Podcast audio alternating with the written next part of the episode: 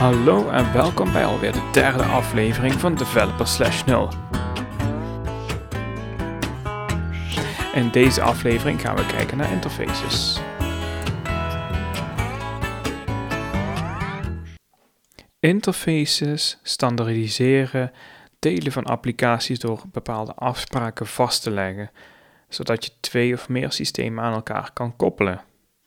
Um, die interfaces die worden ook wel eens contracten genoemd. Eigenlijk zijn ze niet meer dan een set afspraken. Interfaces zijn, interfaces zijn het gemakkelijkst uitleggen aan de hand van een aantal voorbeelden. En um, laten we daarvoor kijken naar een interface die we allemaal gebruiken. Een interface die ik het leukst vind uit te leggen is een stekker die in een stopcontact steekt. Het zorgt ervoor dat we het ene ding aan het andere kunnen koppelen, namelijk bijvoorbeeld een stofzuiger aan het elektriciteitsnet. De stekker in dit voorbeeld is een implementatie van een interface, niet de interface zelf. Iemand heeft ooit namelijk vastgelegd dat een stekker pinnetjes moet hebben van 4,8 mm dik, 19 mm lang en 19 mm uit elkaar. Die afspraken samen, die noemt men een interface. Waarom is dat handig? Nou ja, stel, nou, stel je nou eens voor dat we geen stopcontact en stekkers zouden hebben. Dan moesten we de draadjes van onze stofzuiger solteren aan die van het elektriciteitsnet. Dat is ten eerste gevaarlijk als je niet weet wat je doet. En ten tweede helemaal niet handig, want misschien wil je ook wel eens iets anders aansluiten als een stofzuiger. Bijvoorbeeld je televisie of een uh, koffiezetapparaat of je wilt je telefoon misschien opladen. Er kunnen ook meerdere implementaties zijn van de stekker interface. Um, in Nederland hebben we bijvoorbeeld um, stekkers van het type F. Dat zijn die ronde stekkers. Je weet wel, die wat je ook uh, gebruikt om je computer bijvoorbeeld in te steken. En je hebt ook nog de platte stekker van type C. Die vind je vaak bij nachtlampjes terug. Zolang iemand een implementatie maakt van die interface, past hij. Op diezelfde manier werkt het namelijk ook in softwareontwikkeling. Technisch gezien werkt het als volgt in softwareontwikkeling. Stel je voor dat we een user service class hebben en we hebben daarin een reeks functies zitten om gebruikers aan te maken. Of om ze te kunnen verwijderen, updaten, te activeren, noem maar op. Alles wat je met een gebruiker zou willen doen. En stel dat die user service class een mailer service class gebruikt, die een functie heeft met de naam send message. Hiermee kan de user service of iets anders wat die mail, mailer service wil gebruiken, een mailtje sturen uh, naar gebruikers van het systeem om bijvoorbeeld een wachtwoord te resetten. Je zou een interface kunnen maken met de naam Message Handling Interface, met daarin de functies Send Message en Get Messages. Um, in PHP typ je dan letterlijk het woordje interface, gevolgd door de naam van de interface.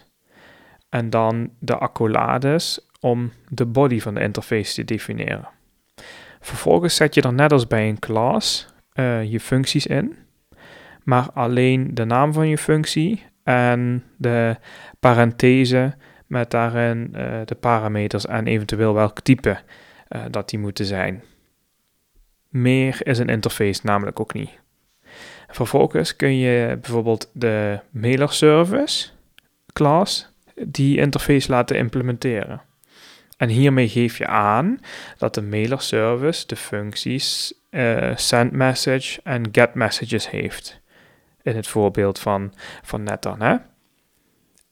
Um, en eigenlijk heb je zo dus, geef je dus zo aan met je interface: hey, mijn mailerservice wat ik zojuist heb gemaakt, die voldoet aan de gemaakte afspraken. Merk op dat implementeren anders is dan extenden, aangezien er geen functionaliteit wordt overgeërfd van de parent class. Er is geen parent class. In de user service gebruik je, de, gebruik je dan de, de, de, de code new mailer service om de mailer service te in, instantiëren. Doordat de mail, mail service de interface implementeert, weten we dat deze die functies heeft die we in de interface gedefini gedefinieerd hebben. En dus dat je die functies zou moeten kunnen gebruiken. Een extra voordeel, net als bij de stackers, is dat je nu één soort stacker hebt gemaakt, terwijl je er meer kan maken, die allemaal passen op de user service. In dit geval. Ja. Je kunt zeggen, ik heb een beter passende class om mails af te kunnen handelen. Bijvoorbeeld een class die mails ontvangt via het IMAP-protocol in plaats van het uh, POP3-protocol wat je bijvoorbeeld nu gebruikt. Zolang de class de interface implementeert, zal hij werken met de user service. Want dat heb je immers met die interface afgesproken. Interfaces zijn ook handig als je gaat testen. Stel nou dat je wil gaan testen hoe die user service omgaat met die mail service. Dan wil je niet altijd een mailaccount aanmaken en die gaan overladen met testmailtjes. Soms wil je gewoon weten of de user service een wacht of vergeten mailtje zou sturen, maar niet dat die hem stuurt. In dat geval kun je een NAP mailservice aanmaken die die interface implementeert.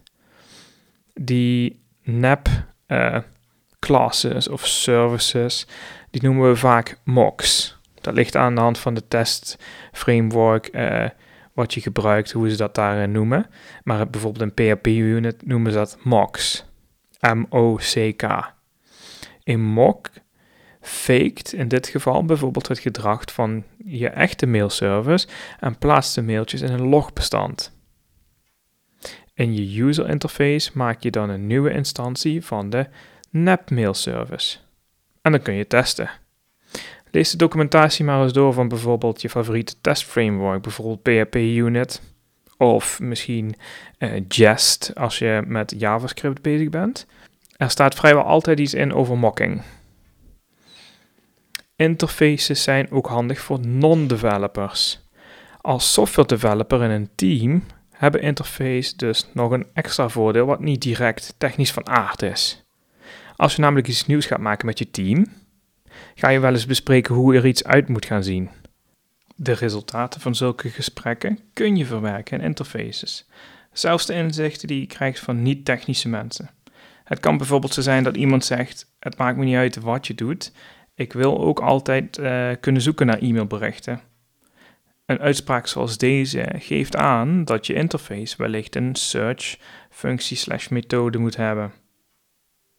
Hoe je deze invult gaf je niet aan, maar je weet wel al dat je deze functie nodig hebt en daarom kun je hem dus ook al vastleggen in je interface. Ook al heb je voor de rest nog geen enkele regel regelcode geschreven. Als je dan uiteindelijk je implementatie gaat maken, geeft de interface ook nog eens snel een overzichtje met wat je ook alweer moest doen. Eigenlijk dus ook een klein beetje een to-do-lijstje. Interfaces hebben zelfs nog meer voordelen. Deze vallen echt uit de, buiten de scope van deze uitleg. Uh, waarop je zou verder kunnen lezen, is het gebruik van interfaces in dependency injection uh, of uh, en inversion of control containers. Um, daarover zal de volgende podcast aflevering ook gaan. Interfaces hebben ook nadelen, die zijn er zeker. Soms is het namelijk moeilijker te zien welke implementatie er gebruikt wordt. Je weet vaak wel dat er een bepaalde implementatie van een interface gebruikt wordt, maar niet exact welke. Als je geen interface zou gebruiken in dat geval, zou het direct duidelijk zijn welke implementatie je gebruikt. Maar een goede editor of breakpoint debugging kan je in deze situaties vaak het snelste verder helpen.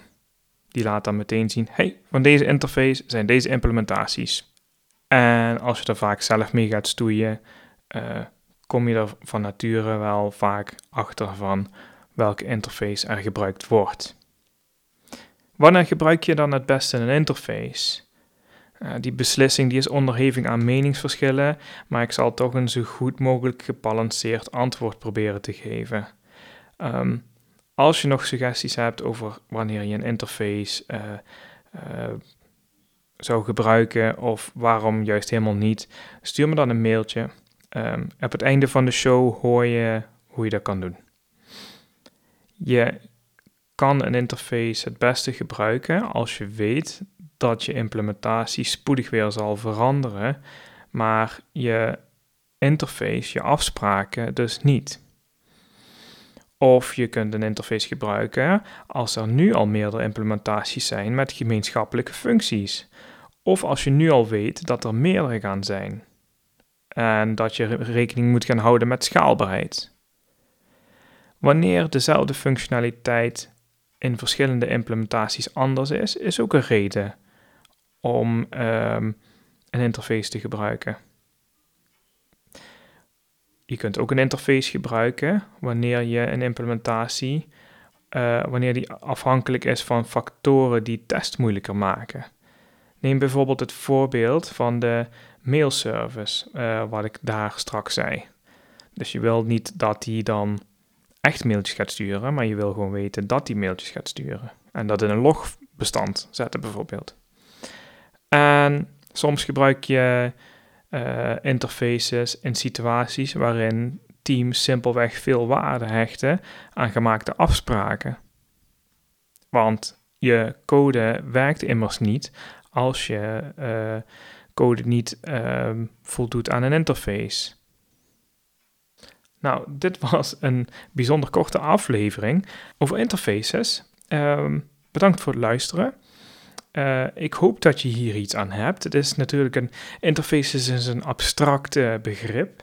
Um, maar ze worden best wel veel gebruikt in softwareontwikkeling. Um, ik zou zeggen, als je er nog niet mee bekend mee bent met interfaces, ga er gewoon eens mee experimenteren. Ik heb een voorbeeld genoemd. Ga eens kijken of je zo'n voorbeeld zou kunnen maken.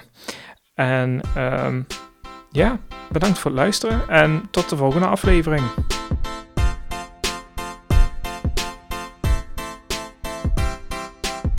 De intro-tune is gemaakt door Handmade Moments en heet Where Do You Find the Time?